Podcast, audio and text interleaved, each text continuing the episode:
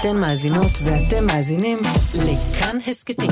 כאן הסכתים, הפודקאסטים של תאגיד השידור הישראלי. היי שאול, היי צליל. היי. היי. ברוכים הבאים לפרק המאה ה-99 של חיות כיס. וואו, זה נשמע מוזר לאללה, זה מספר של גדולים. כאילו, למי אכפת מכלכלה ברמה של לייצר על זה 200 פרקים, שבוע אחרי שבוע, ארבע שנים? הזיה. האמת שקרו לנו כבר דברים יותר מוזרים, כאילו, עברנו מגפה עולמית. הקלטנו פרקים cross אטלנטיים. אני אישית עשיתי פרק על מגבונים. והיה גם את פרקים 1 עד 6, וואי וואי, מה היה שם? כן. וככה הגענו עד הלום. כדי לחגוג את ההישג הזה אנחנו נצא ממש בקרוב לסיבוב הופעות עולמי עם פרקי live איכותיים ומעולים. אבל לפני פרק ה-200 העגול, מגיע פרק ה-199 שהוא בכלל לא עגול. אפילו לא קצת. וזה הקסם שלו. זאת הסיבה לכך שהוא מככב. 99 זו הסיומת של המון מחירים שאנחנו משלמים. המספר הלא עגול הזה מהלך עלינו קסם, הוא מאפנט אותנו, הוא גורם לדברים להיראות יותר זולים ממה שהם באמת. אז בפרק של היום, סיפורים על נקודה 99. וככל שעבדנו על הסיפורים האלה יותר, הבנו שהם לא רק סיפורים על מחיר, אלא הם סיפורים על ערך. וערך, ערך זה עניין חמקמק. מה קובע מה הערך של משהו וכמה אתם מוכנים לשלם עליו? מה הערך של בקבוק מים קרים? מה הערך של בקבוק מים קרים כשאתם בחוף הים הוא ממש חם לכם ואין לכם כוח ללכת עד לפיצוצייה? אז בפרק של היום הבאנו שלושה סיפורים, כולם בהשראת המספר הזה, 199, ומה שהוא אומר לנו. הסיפור הראשון הוא על ערך ועל טעם, ועל מה קורה כשמצמידים את המספר הזה, 99, ליין.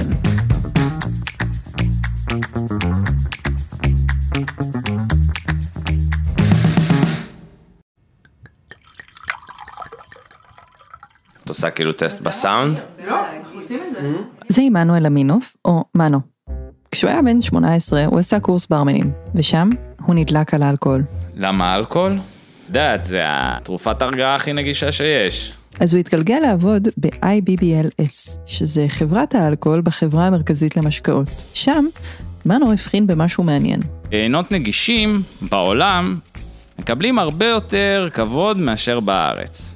זאת אומרת, באירופה לקנות יין בכמה יורואים ולקבל אחלה יין זה דבר שהוא היה אה, מאוד מקובל, והוא לא היה שם עליך זרקור של אתה בן אדם שלא מבין.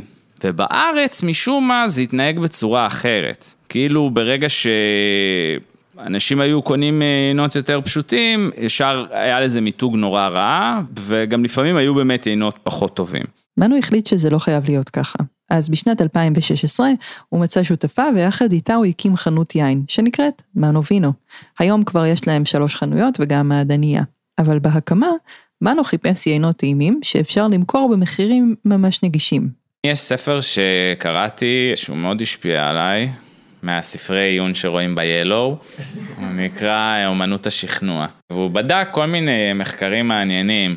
אחד הדברים שממש הלכו עמנו מהספר, זה עד כמה כולנו פגיעים למחירים לא עגולים.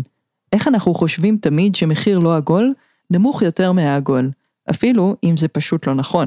כאילו אתה אומר, אנחנו כולנו אנשים מאוד חכמים, ברור לנו שזה אותו דבר, אבל זה לא. אני רואה את עצמי בתפריטים, לפעמים אני מסתכל על מנות, ומה לעשות, מנה שתעלה 79, ומנה שתעלה 80 או 82, ייתפסו אצלי בראש. בקטגוריות שונות. אז מנו החליט למכור שלושה יינות ממש סבבה במחיר הלא עגול, 99 שקלים לשלישייה. לצידם, מנו מכר גם יינות יקרים יותר. עם השנים והעבודה, מנו שם לב שלא כל יין אפשר למכור במחיר נמוך.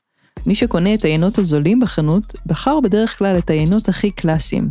אם הטעם של היין היה טיפה לא שגרתי, אנשים הניחו שהוא דפוק, ובגלל זה הוא נמכר בזול.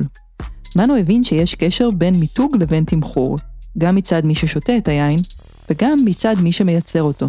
ואנחנו רואים את זה בעיקר ביקבים המקומיים, שיקבים מחליטים לתמחר חלק מהעינות שלהם במחיר יותר גבוה, כדי למתג את היין שלהם ושאנשים ייגשו אליו בצורה יותר מכבדת. האמת, יין באופן כללי זה דבר שנתפס כיוקרתי, וזה חלק ממה שמושך אנשים אליו.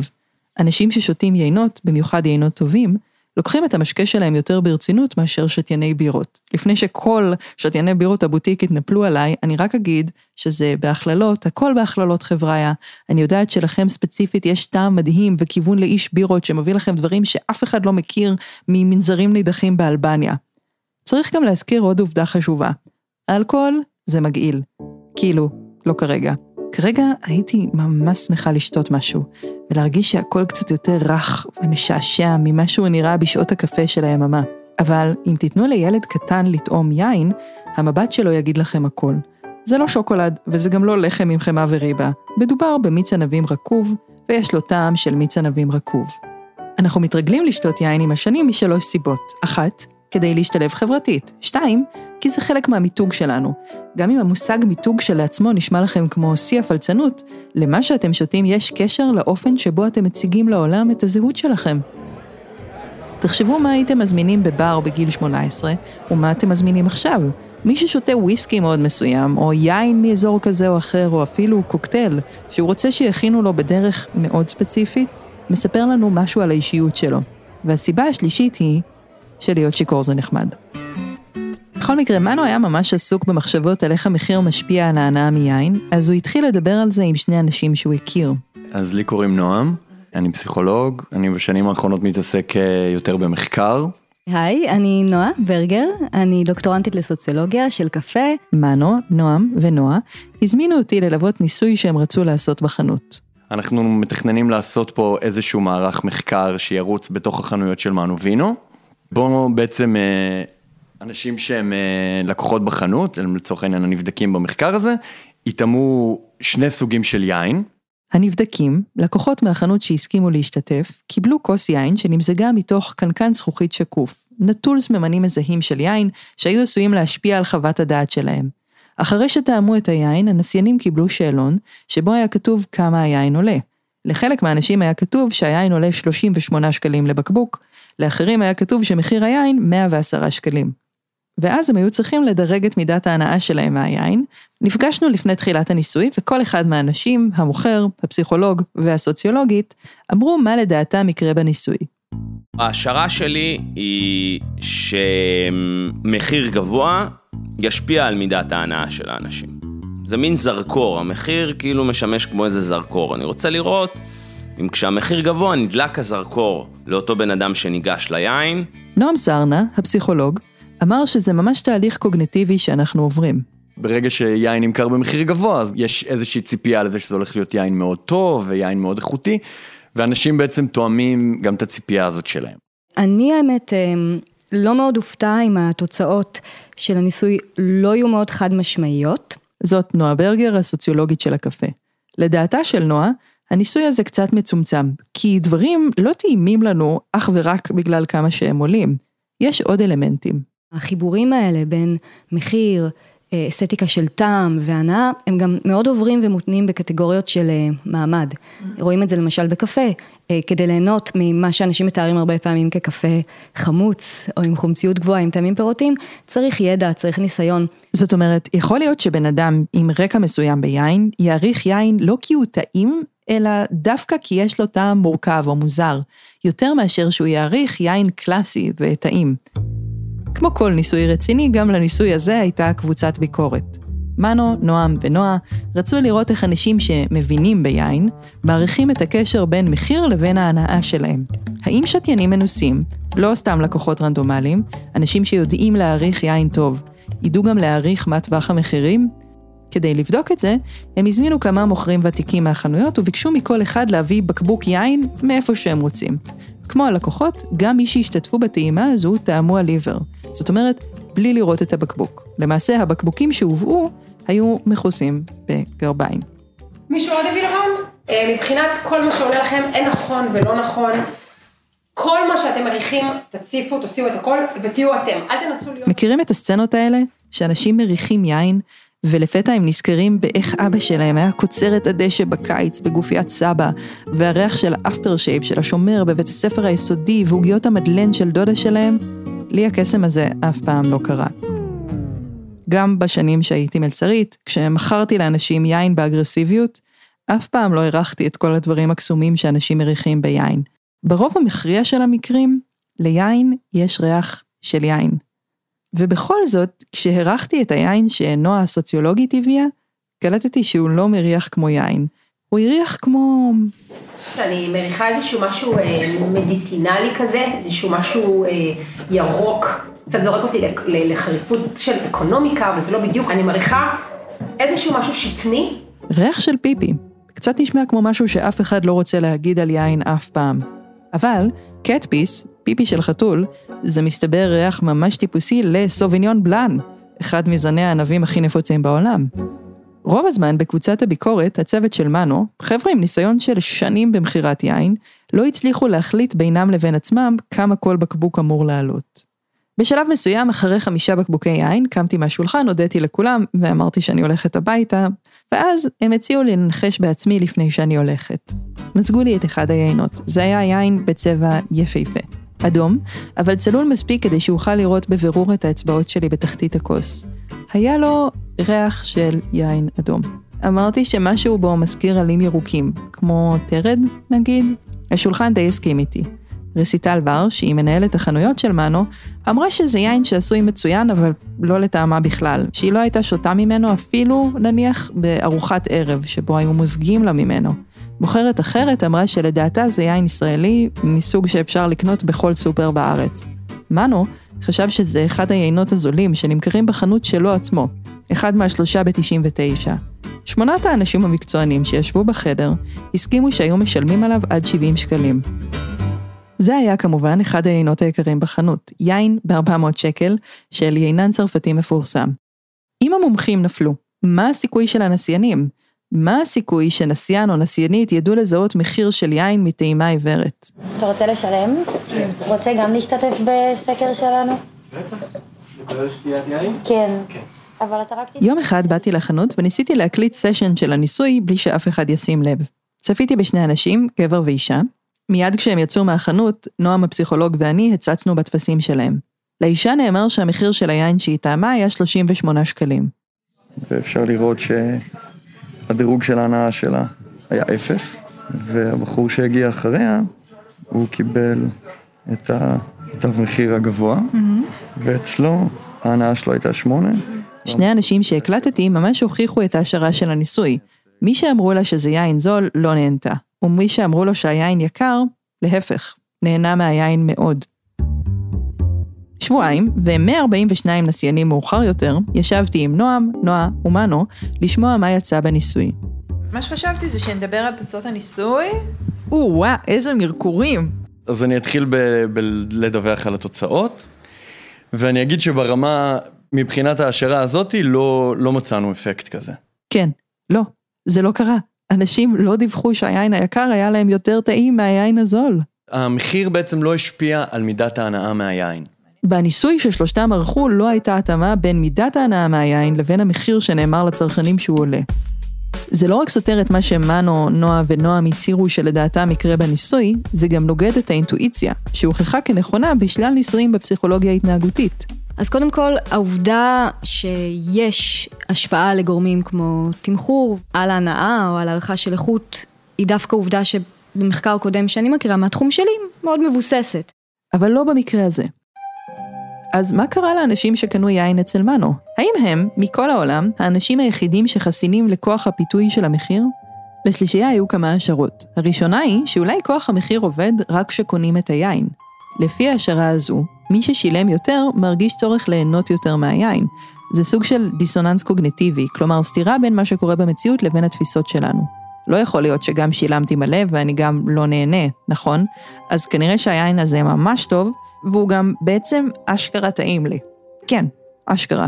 בניסוי אף אחד לא שילם כדי לטעום, אז הם לא היו צריכים להכריח את עצמם להתמודד עם הדיסוננס הקוגניטיבי הזה, וחוש הטעם שלהם לא הושפע מהמחיר, כפי שהיה מושפע אם היו משלמים. אבל יש עוד אפשרות, והיא שהלקוחות של מנו ממש אוהבים לשתות יין שעולה 99 שקלים לשלושה בקבוקים. ואולי זה בעצם לא רק הם, אלא חלק ממשהו גדול יותר שעובר על צרכנים באופן כללי בשנים האחרונות. אבל יש פה שאלה נוספת שהיא, מה זה טוב? כחלק מהשאלון שהנסיינים מילאו, הם היו צריכים לסמן כל מיני רובריקות נוספות חוץ מהנאה מהיין. למשל, עד כמה היין מורכב בעיניהם. בתוך הרובריקה הזאת כן הייתה מובהקות סטטיסטית. זאת אומרת, אנשים לא בהכרח נהנו יותר מיין יקר יותר, אבל הם כן העריכו שיין שנאמר להם שהוא יקר יותר, הוא מורכב יותר. להבין שטוב יכול להיות איכות במובן של מורכבות, שזה משהו שנתפס כאובייקטיבי יותר, שזה חלק ממה שאנחנו מחפשים במוצר, וזה יכול להיות טוב במובן של הנאה, אני אוהב את זה באופן אישי, הנאה סובייקטיבית, זאת אומרת, צרכן שאומר, אני מבין שבאופן, במרכאות אובייקטיבי, היין הזה הוא כאילו נחשב, כי הוא יקר, כי הוא מורכב, אבל אני לא נהניתי ממנו. וזה מעניין, כי הסיפור הזה של לקשר מחיר ומורכבות קשור לתופעה גדולה יותר שנועה רואה בעולם האוכל. היא קוראת לזה אומניבריות, אכילת קול. לא רק במובן של לאכול גם גלוטן, גם סוכר, גם מאכלי ים, אלא במובן של ליהנות מאוכל בכל המופעים שלו. גם אוכל מורכב וענין, וגם... תחשבו על בלוגרית, או אפילו על עצמכם, שיכולים גם ליהנות מההמבורגר. הזול האמריקאי, גם מביונסה, גם מהפופ, אבל גם מהמסעדת אה, משלן. זאת אומרת, ההתהדרות בזה שאתה כצרכן יודע ליהנות גם מהדברים הפשוטים, גם מהטראש כביכול, וגם מהענין, היא היום, בעולם שבו אנחנו חיים, עדות דווקא למתוחכמות ולמורכבות. זאת אומרת ש... מוצר טוב לא חייב להיות בהכרח מוצר מורכב או, או מוצר שאנחנו נהנים ממנו וזה חלק, שוב, זה יותר רחב מרק יין. לפי מה שנועה אומרת, אוכל ויין הם כבר ממש חלק מהתרבות שלנו, אפילו חלק מרכזי, ולכן אנחנו חייבים להיראות כמי שיודעים להעריך אותם בכל תצורה ואופן. ואולי, לכן, הערך של מוצר כמו יין משתנה. אנחנו לא שואפים רק ליהנות ממנו, אנחנו שואפים לחוות ממנו את מנעד הרגשות ששופטים במאסטר שף מרגישים כלפי מנות. אנחנו רוצים משהו לדבר עליו, לא רק את החוויה עצמה. ועל זה, אנשים עדיין מוכנים לשלם. אז על זה אנחנו מוכנים לשלם. הסיפור הבא הוא על הדברים שאנחנו פחות מוכנים לשלם עליהם, או מוכנים לשלם עליהם ממש ממש מעט. ואיך מעט ועוד מעט ועוד מעט מצטבר להרבה. בואו נעשה ניסוי קטן לטובת הפודקאסט. הלכתי אתמול לסניף של רשת סטוק הגדולה בחולון, בלי רשימת קניות. כמה כסף אתם מנחשים שהוצאתי? אני מהמר על 300 שקל. אני רוצה לנצח, אז אני מהמרת על 400. אני אלך על 75 שקלים, אבל זה קנה לך את כל מה שאי פעם רצית ויותר. השעה היא שעת צהריים באזור התעשייה בחולון. הדלתות האוטומטיות נפתחות אל האנגר ממוזג בגודל של סופרמרקט בינוני, ואת פניי מקדם קיר שלם של כפכפי גומי. כמובן, מי לא צריך כפכפי גומי באפריל? לאורך המעברים נשים מעמיסות לעגלות קופסאות עץ ומדבקות נוצצות. גברים מנסים כורסאות זולות, ובני נוער מושיטים ידיים אל זוגות של אוזניות. זה לכאורה יום שגרתי בחנות סטוק סטנדרטית, אבל מבחינת אנשי העסקים והקמעונאים, זה לא סתם עוד חנות, ענף חנויות הסטוק בוער. בחודש האחרון רשת הסופרמרקטים יוחננוף רכשה את רשת זולסטוק ב-90 מיליון שקלים. פוקס הודיעה שתפתח בארץ סניפים של הרשת היוונית ג'מבו, דבר שהיה כרוך במאבק משפטי על המותג עם הרשת הישראלית ג'מבו סטוק. ורשת מקסטוק, שהשם שלה הפך להיות שם גנרי לכל החנויות מהסוג הזה, הונפקה בבורסה על פי שווי שוק של 1.7 מיליארד שקל. ענף הסטוק, שלא היה קיים לפני עשר שנים, וגם לא היה מאוד נוכח לפני חמש שנים, הוא היום שוק צפוף ותחרותי שמגלגל לפי הערכות כ-2 מיליארד שקל לשנה. 2 מיליארד שקל לשנה בכפכפים, מדבקות וקופסאות פלסטיק, שגם הפכו כבר לתופעה תרבותית. הכל יש לנו פה. יש לנו כוסות קפה, כוסות תה, כוסות לנוי, כוסות לנויה, כוסות לנועה. קיצור, כל זה רק נון. למה? למה חנויות שימושיות של דברים לבית, מכשירי כתיבה, צעצועים זולים מיובאים מהמזרח, הפכו להיות טרנד צרכני ותופעה חברתית? או אולי נשאל את זה ככה, למה כל כך כיף ללכת למקסטוק? צריכה כאריות, אבל מה שיש פה מכוער. צריכה מחבת. מה, מאיפה אני משיגה עגלה? על המקרר בבית שלי יש רשימה של דברים שאני צריכה לקנות לבית. דברים שהתקלקלו או נשברו הלכו לאיבוד, כמו כריות ומצנם ותבניות שקעים למאפינס. מתישהו כשיהיה לי חשק לזה אני אחפש באינטרנט או משהו כזה, או אלך לחנות של כלי בית. ולפני זה גם אנסה לברר אם יש מותג יחסית איכותי במחיר סביר או שהכל ממש זבל. אבל האמת שלא יצא לי לעשות את זה בחודש האחרון, והסיבוב בחנות בחולון סוגר לי בקלות חצי מהרשימה. יש פה הכי הרבה סוגים של סולי כביסה שראיתי בחיים שלי. אני צריכה כוסות יין. גם ככה כל הכוסות יין שלי קודם נשברו כמו ברווזים במטווח. אז למה לא? איזה סכין שנראה לי טוב. אבל גם אם הוא לא טוב, הוא עולה ארבעה שקלים. בעצם אפשר לענות במילה אחת על השאלה הזאת, למה כל כך כיף ללכת לחנויות סטוק? זה זול. או כמו שאומרים את זה בקמעונאית, בהחלט תחום שצובר אה, תאוצה בעקבות אה, הרצון אה, של הצרכן לקנות בזול, וזה שבעצם אה, עסקי הסטוק אה, מצליחים להביא מוצרים מאוד מעניינים שנותנים מענה. זה איתן יוחננוף, הבעלים של רשת הסופרים יוחננוף, ועכשיו גם של רשת הסטוק זול סטוק. הוא עוצר את האוטו בשבילנו בצד, בדרך להשקת סניף חדש של יוחננוף וזולסטוק בקריית שמונה. הוא מסכים איתי שרק זול זה לא מספיק, צריך עוד משהו. הוא מסביר שכשמנהלים סופר, האתגר הגדול הוא לדאוג שאותם מוצרים יהיו כל הזמן על המדפים. הדיוק של המגוון על המדף ברשת מזון הוא אחד לאחד. זאת אומרת, שלא יכול להיות שאת מגיעה לסניף והזמינות מוצר לא קיימת. כשמנהלים חנות סטוק, זה לא עובד ככה. ברשת זולסטוק, הצרכן אפילו מצפה מאיתנו לחדש ולשנות, ולא להישאר במקום עם המוצרים, וכל הזמן להיות יותר ויותר מעניינים לאורך השנה, ולאו דווקא לחזור לאותו מוצר. אם לא יודע מה, אם נגיד עכשיו הבאנו איזה קומקום שהוא מאוד uh, מעניין ומיוחד, ונהנינו לקנות אותו כולנו, ופירקנו uh, עשרה קונטיינרים ברשת, ויכול מאוד להיות שהוא יעלה מהמגוון, הוא לא יחזור. וזה מה שגורם לאלמנט ההפתעה. אנחנו כצרכנים, שקודם כל אוהבים לקנות, כולנו, אנחנו אוהבים להתחדש, אנחנו, זה עושה לנו את זה. ואני חושב שבאמת הסטוק מספק את החוויה הזאת גם מבחינת הגיוון, גם מבחינת האלמנט ההפתעה, שאת נכנסת למקום בלי לדעת מה את, מה את רוצה, ומצליחה לצאת שם עם איזו שקית מעניינת, ללכת מרוצה עם הקנייה שביצעת. כמו שמנסחת את זה העיתונאית והסופרת נטע חוטר. מקסטוק זה קצת הקופיקס של הדברים לבית. רשת זולה שמאפשרת לנו לקנות הרבה בתקציב קטן.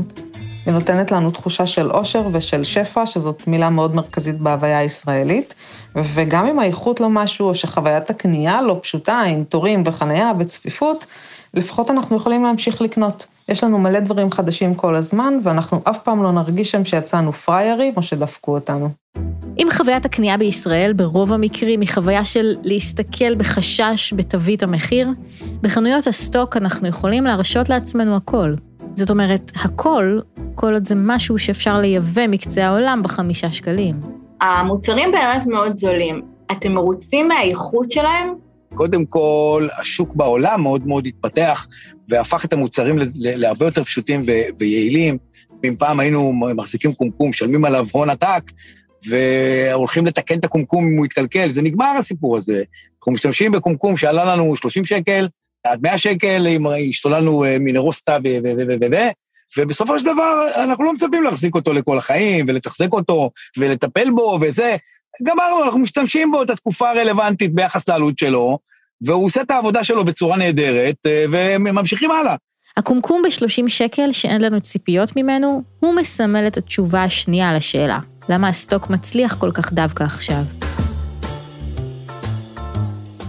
איבדנו את האמון בכמעט כל דבר שהוא סוג של סמכות שמגיעה אה, מלמעלה. זה נועם מנאלה. הוא חוקר תודעה דיגיטלית ומרצה בבית הספר למינהל עסקים במכללה למינהל. נועם מסביר שבשנים האחרונות משהו מאוד בסיסי בדרך שבה אנחנו קונים דברים השתנה. וזה אותו דבר שהשתנה בדרך שבה אנחנו צורכים תקשורת, או מתייחסים לפוליטיקה, או חושבים על מערכת המשפט. רמת האמון שלנו היום כלפי uh, מותגים הן מאוד מאוד uh, נמוכות. וזה כמובן מחליש חלק מהמותגים ומחליש את הרצון שלי לשלם את האקסטרות עבור uh, השימוש במוצרים שלהם. יכול להיות שאם אקנה קומקום ב-200 שקל ותבנית שקעים ב-80 שקל, אז היא תהיה יותר איכותית ותחזיק יותר זמן. אבל גם יכול מאוד להיות שלא. האמת היא שאין לי ממש דרך לדעת. אז אני נשארת עם שתי אפשרויות. או שאלך על המותג האיכותי ביותר, או על הזול ביותר. בשנת 2006 פרסם מייקל ג'יי סילברסטין, יועץ עסקי אמריקאי, את הספר Treasure Hunt, שגם יצא לאור בעברית תחת השם ציידי האוצרות. בספר, סילברסטין טבע את המונח מות האמצע. העולם שבו צרכנים ממעמד הביניים קונים מותגי ביניים, אמר, הולך ונעלם. יותר ויותר פעמים אנחנו לוקחים בחשבון שתי אפשרויות בלבד, או לואו-קוסט או פרימיום. בכל פעם שיש לנו דילמה צרכנית, אומר סילברסטין, פתוחות בפנינו שתי אפשרויות, או לשנמך או לשדרג. למשל, כלי מטבח. אם אתם פריקים של בישול ונורא חשוב לכם להכין אוכל איכותי, אז אולי אתם משקיעים הרבה כסף בציוד בישול איכותי בחנויות מקצועיות. אבל יכול להיות שאתם לא כל כך מתעניינים בבישול ובאוכל. אז אתם תקנו את כלי המטבח שלכם במקסטוק. אבל כשתלכו לקנות ציוד ספורט לספורט שאתם אוהבים לעשות, אז תחליטו לא להתפשר, וללכת על המותג הכי איכותי. יכול להיות שאתם מאוד אוהבים לנפוש במלונות יוקרה, אבל רוב הזמן אתם לא יכולים להרשות את זה לעצמכם. אז אתם כבר מעדיפים ללכת לקמפינג עם הילדים, מאשר לבחור במלון בינוני. סילברסטין מצביע גם על כך שחברות התעופה הישנות מרוויחות בעיקר ממושבי business, והחברות החדשות שצומחות מתמקדות בלואו-קוסט. כשאנחנו קונים ביגוד, אנחנו בוחרים בין אופנה מהירה וחד פעמית בכמה שקלים, לבין מותגים יקרים. מות האמצע הוא גם אחד ההסברים לנפילתן של חברות כמו סירס או מייסיס. האמצע, מוצרים בעלי איכות סבירה, במחירים סבירים, עדיין קיים כמובן, אבל הוא הולך ונחלש. זאת גם הסיבה שהרבה מאוד מותגים מצמיחים לעצמם היום קטגוריית פרימיום. אבל בעיקר, זה מנוע לצמיחה של הקטגוריה היותר גדולה מהשתיים, קטגוריית הלואו-קוסט. צריך להבין שהתרבות הזול שהייתה פעם של צעירים, היא הולכת ומתנחלת גם בגלל שיש לאנשים פחות כסף, כמובן בגלל הקורונה, והיא הופכת ליותר לגיטימית, היא הופכת לחלק מסגנון חיים, חלק מתפיסת עולם. אה, שאומרת, רגע, למה שאני אשלם עבור המותגים האלה שמייקרים סתם את המוצרים? למה שאני אשלם עבור החברה הזאת שאני לא מאמין בערכים שלה? לפי סילברסטין, היום אנחנו כבר לא תמיד מחפשים את הכי טוב שאנחנו יכולים להרשות לעצמנו. אנחנו מחפשים את מה שיהיה התמורה הכי טובה לכסף. וזו ההגדרה הנכונה למה שמקסטוק ודומותיה מציעות. value for money. ויש עוד סיבה. היום אנחנו מתחילים מהלך חסר תקדים בהיקפו, של הפחתת מכסים ומיסי קנייה, כפי שאמרתי, שיוחזרו לציבור. אנחנו מתכוונים לבטל מכסים ומיסי קנייה על מוצרי חשמל ואלקטרוניקה. בדוחות הכספיים של מקסטוק לשנת 2020, תחת הכותרת תיאור עסקי הקבוצה, מסבירה החברה את הגורמים להצלחתה שלה. הורדת המכסים על היבוא בעשור האחרון בתחומים מסוימים הגדילה את מקורות האספקה האפשריים של קמעונאים רבים הפועלים בארץ, ואפשרה למעשה הקמת חנויות המציעות סחורה מגוונת במחירים אטרקטיביים, וביניהן רשת מקס, אשר למיטב ידיעת החברה הייתה חלוצה בתחום זה. ובאמת, רשימת הסחורות שעליהן הופחתו מכסים בעשור הקודם, פחות או יותר חופפת לאותה רשימה שנראית אקראית ומוזרה של תיאור המלאי בחנויות הסטוק. צעצועים, טקסטיל, מוצרי חשמל, ביגוד, אלקטרוניקה. ההפחתות האלה נעשו בהתחלה כחלק מהמלצות ועדת טרכטנברג, ואחר כך על ידי משה כחלון כשר אוצר. זה דש מתקופה אחרת, לא כל כך רחוקה, אבל שונה מאוד, שבה רוח המחאה החברתית עוד נשבה בכנסת ובממשלה, ופוליטיקאים עוד ניסו לרצות את הציבור ולטפל בבעיות יוקר המחיה. במילים אחרות, מי שהביא את מקסטוק זה אתם. אפשר לראות את הקנייה במקסטוק לא רק ככורח או כפתרון לאיזושהי מצוקה, אלא גם כמהלך חתרני. אנחנו כבר לא מוכנים לשלם סכומים מופרכים על מתקן למברשות שיניים או קולפן גזר בחנויות עיצוב. זאת בעצם דרך להילחם ביוקר המחיה. ונכון שאין עדיין רמי לוי של דירות או של חשבונות, אבל כל היתר, צעצועים, בגדים, ריהוט, עיצוב, אוכל, הכל עובר מקסטוקיזציה הדרגתית. מה יהיה עם כל המוכרים הקטנים האלה ועם כל היצרנים הקטנים? אם פעם אה, הייתי מסתכל על זה בצורה ששאלת את השאלה, היום אני חושב שהיכולת שלנו להתערב בהתפתחות של השוק, עובדתית בסוף השוק עובד ככה. הקמעונאים מציעים והצרכנים בוחרים, שהם המלך, הם אלה שקובעים מי יחיה ומי ימות.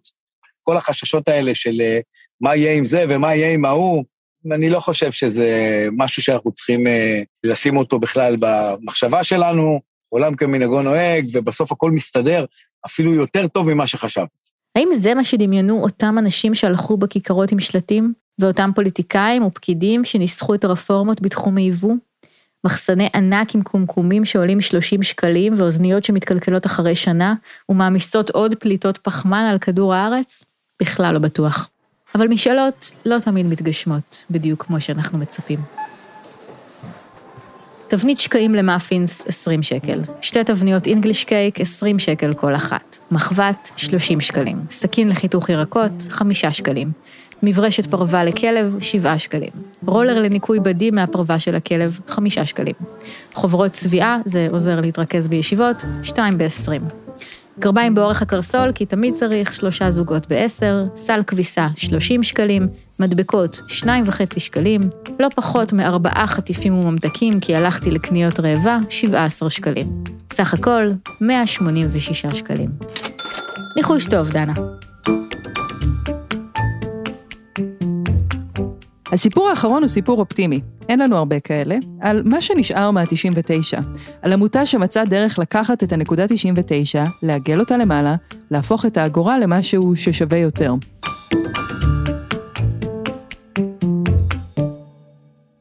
לפחות במשפחה שלי, הכסף הקטן, המטבעות, מזמן כבר הפך להיות משהו מציק כזה. גם לאשתי וגם לי אין באמת ארנק. הארנק שלה זה הטלפון שכרטיס האשראי מוצמד אליו, ובארנק שלי יש רק כרטיסי פלסטיק שונים. אין מזומן, בטח לא מטבעות.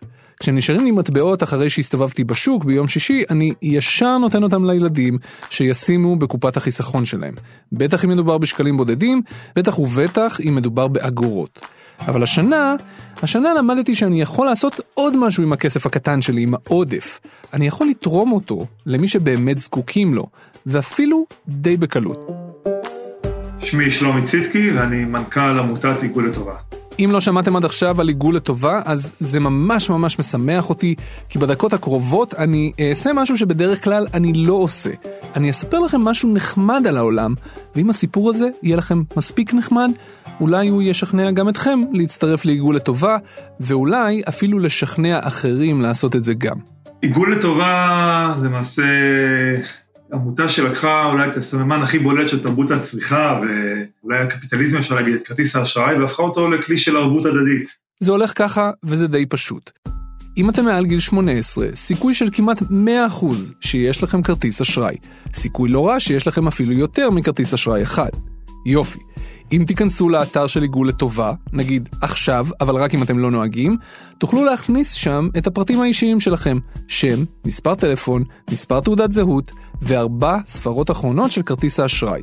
הפרטים שלכם לא נשמרים בשום שלב בעיגול לטובה, תקבלו אס.אם.אס חזרה, תכניסו את הקוד וסיימתם. מאותו הרגע, בכל פעם שאתם תקנו משהו בכרטיס אשראי והסכום לא יהיה עגול, חברת האשראי תעגל אותו למעלה. בסוף החודש, הכסף שיצטבר מכל העיגולים האלה ילך לעמותות שאתם בחרתם. קניתם ב-9.90, 10 אגורות יעוגלו למעלה וילכו לעמותות שבחרתם. זהו, זה עד כדי כך פשוט. את הרעיון הזה הביא לישראל אורני פטרושקה, הוא אחד מיזמי ההייטק הוותיקים שיש לנו. היום פטרושקה הוא איש מאוד מאוד עשיר. ברזומה שלו יש כמה אקזיטים. אחד מהם, אקזיט של כרומטיקס משנת 2000, נחשב במשך הרבה שנים לאקזיט הכי גדול שהיה בישראל, עד שהגיעו כמה שעקפו אותו. ב-2009, פטרושקה שמע בבריטניה על הרעיון הזה, להשתמש בעודף הווירטואלי שיש בקניות שלנו בכרטיסי אשראי, בשביל לצבור אותו ולתרום אותו לעמותות. והוא החליט להביא את הרעיון הזה לישראל. אמר ועשה. הוא הקים את עיגול לטובה, הוא תרם לה מההון הפרטי שלו, והוא משמש בתור יושב הראש שלה עד היום. והחלק הגאוני בכל המודל הזה, בגלל שבסוף מדובר בעיגולים מאוד מאוד קטנים, הממוצע הוא 4 שקלים בחודש לבן אדם, אתם בקושי מרגישים את זה. בואו, 4 שקלים בחודש זה לא כבד על אף אחד. אבל ביחד, בגלל חוק המספרים הגדולים, כל האגורות האלה, כל העיגולים האלה, מצטברים להמון כסף. נכון מאוד, אותם 20-30 אגורות שאתה מקבל עודף בסופר, אם היית משלם במזומן, והיה קצת מעצבן לשים אותם בארנק או בכיס, אז אותם אגורות האלה שיכולנו לנתב לתרומה, צריכים להביא עשרות מיליוני שקלים. בשנת 2020, המעגלים לטובה עיגלו ביחד סכום של כמעט 17 מיליון שקלים. בסך הכל, בעשור ומשהו שהיא קיימת, עיגול לטובה העבירה לעמותות יותר מ-80 מיליון שקלים. שנת הקורונה, אולי לא נעים להגיד, אה, עשתה טוב, צמחנו במעל ל-50% במספר הכרטיסים המצטרפים, ואני חושב שבאיזושהי מידה המון אנשים אמרו, זו שנה קשה שצריך גם לעזור למי שצריך את זה. אני אומנם לא רוצה להתחייב לתרומה מאוד מאוד גדולה של מאות שקלים או יותר מזה, אבל לתת את הארבעה שקלים בחודש, אני חושב ששווה לכל כיס, את זה אני כן מוכן לעשות. עכשיו תגידו, אוקיי, 17 מיליון שקלים בשנה זה יפה, אבל זה לא סכום משנה חיים, ואני אגיד לכם שני דברים. דבר ראשון, אתם צודקים. דבר שני, דמיינו מה היה קורה אם יותר אנשים היו מעגלים את ה-9.90 שלהם כלפי מעלה. תחשבו איזה אימפקט זה היה יכול לעשות. קחו למשל את המקרה של עמותת גדולים מהחיים. גדולים מהחיים היא עמותה שמסייעת לילדים חולי סרטן. בשנת 2019 היו יותר מ-80 אלף ישראלים וישראליות שעיגלו את הקניות שלהם בכרטיסי אשראי והעבירו את העיגולים האלה לעמותת גדולים מהחיים. ביחד, כל העודף שלהם, כל הכסף הקטן שלהם, הצטבר לשניים וחצי מיליון שקלים. חיפשתי את הנתונים של עמותת גדולים מהחיים. גם אתם יכולים לעשות את זה, הם זמינים באתר גיידסטאר כמו הנתונים של כל העמותות בישראל. בשנת 2019, סך התרומות שעמותת גדולים מהחיים קיבלה היו 20 מיליון שקלים. מתוך הסכום הזה, 16 מיליון הגיעו בתרומות מישראל והיתר מחו"ל. כלומר, שהשני מיליון שקלים וחצי שהגיעו דרך עיגול לטובה, הסכום הזה הוא יותר מעשרה אחוז מכלל התרומות שגדולים מהחיים קיבלה בישראל. בשביל גדולים מהחיים זה סכום משמעותי, ולא רק שהוא משמעותי, זה תזרים מזומנים יחסית קבוע ויציב. הנה שוב שלומי צידקי, מנכ"ל עיגול לטובה. אז גדולים מהחיים זה סיפור מיוחד. זו עמותה שהחליטה לקחת את עיגול לטובה כמרכיב מרכזי בתוך התקציב שלה. ומיום ההצטרפות שלה לעיגול לטובה, היא הפכה אה, את הפלטפורמה הזאת למישן העיקרי. הם אה, עובדים מאוד מאוד קשה כדי לגייס מעגלים. תוסיף לזה גם את הנושא המאוד מאוד אה, רגשי שהם עובדים עליו, שזה סיוע לילדים חולי סרטן, משהו שנוגע ללב. באמת קיבלת על העמותה שבאמת הצליחה לייצר לעצמה את, את קר המעגלים הגדול ביותר, בי פאר מהמקום השני אפילו. הוא צודק. במקום השני מבין העמותות הגדולות שקיבלו כסף דרך עיגול לטובה, נמצאת עמותת תנו לחיות לחיות, שקיבלה חצי מיליון שקלים מ-17 אלף אנשים שבחרו להעביר אליה את העיגולים שלהם. הסיפור של גדולים מהחיים ממחיש לדעתי איך הכסף העודף שלנו, האגורות הבודדות שאנחנו במילא לא צריכים, יכולות להפוך לכסף משמעותי וקבוע עבור ארגוני המגזר השלישי. זה פשוט תלוי בנו, אם נעגל או לא.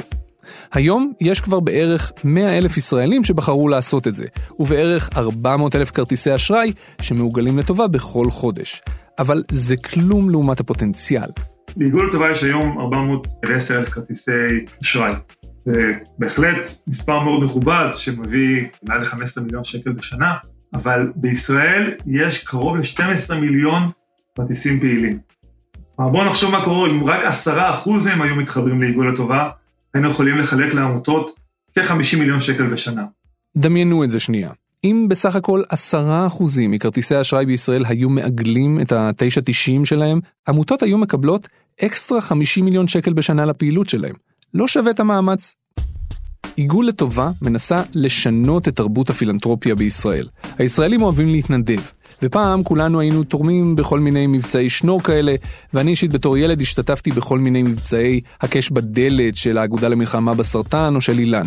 אולי גם אתם. ועדיין, אנחנו לא ארצות הברית, ישראלים תורמים פחות משם.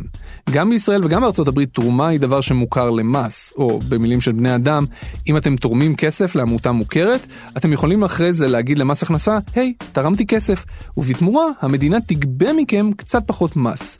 רק שבארצות הברית, כולם, כל העובדים השכירים, חייבים להגיש למס הכנסה אחת לשנה דוח מפורט. שם הם מספרים גם על התרומות שלהם.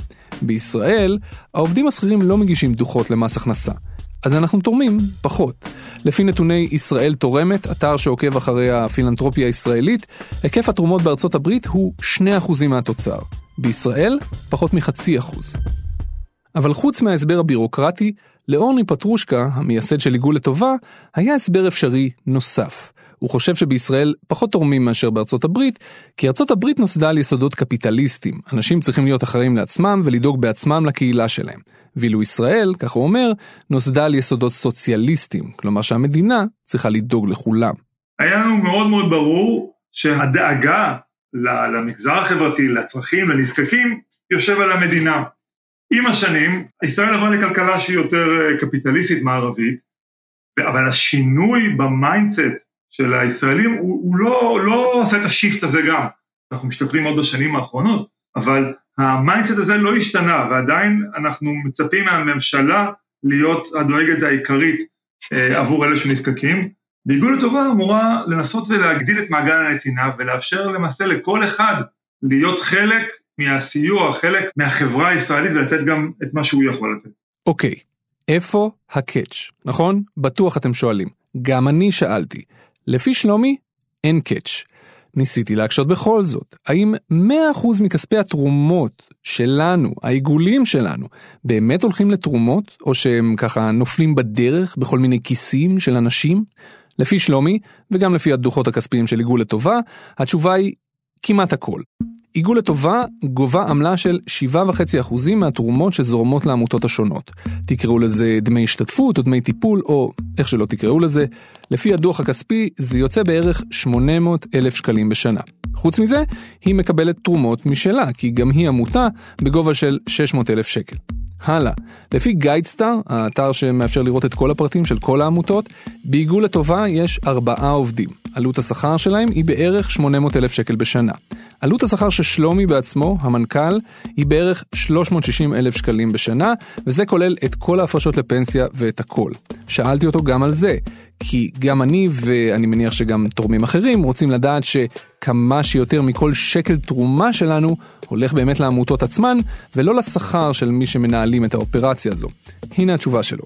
כשאתה רוצה לחזק את המגזר החברתי ולהפוך אותו שיעבוד בצורה יעילה לפחות כמו המגזר הפרטי, וידע לצמוח וידע להביא אנשי מקצוע, צריך לדעת אה, גם לתגמל אותם. למה אני מזכיר בכלל את כל זה? למה אני נכנס לתלוש השכר של שלומי וכל הדברים האלה? כי זה התהליך שאני עצמי עברתי כששמעתי על עיגול לטובה בפעם הראשונה. כששקלתי אם לעגל לטובה את הכסף שלי, נכנסתי לגיידסטאר והתחלתי לבדוק כמה דברים. דבר ראשון, מה הנתונים הכספיים של עיגול לטובה עצמה? אחרי הכל, גם היא עמותה. רציתי לוודא שהיא לא לוקחת עמלה גבוהה מדי מהתרומות שלי. ואחרי שהשתכנעתי שהמצב סביר, ורציתי לבחור לעצמי את שלוש העמותות שהכסף שלי יזרום אליהן, בדקתי גם כמה עמותות כאלה בגיידסטאר, לראות שגם בהן אין סתם בזבוז כספי תרומות, עד שבחרתי בסוף את השלוש שבחרתי. אני לא יודע אם עיגול לטובה תעלה ותפרח השנה, אני לא יודע אם נגיע לעשרה אחוזים מכרטיסי אשראי בישראל, אני מקווה שכן, אבל לכו תדעו. במהלך שנת הקורונה היו דוגמאות מרהיבות של ישראלים שתרמו. ישראלים הקימו גופים שאספו מחשבים ישנים מאנשים וחידשו אותם וחילקו אותם לילדים שאין להם.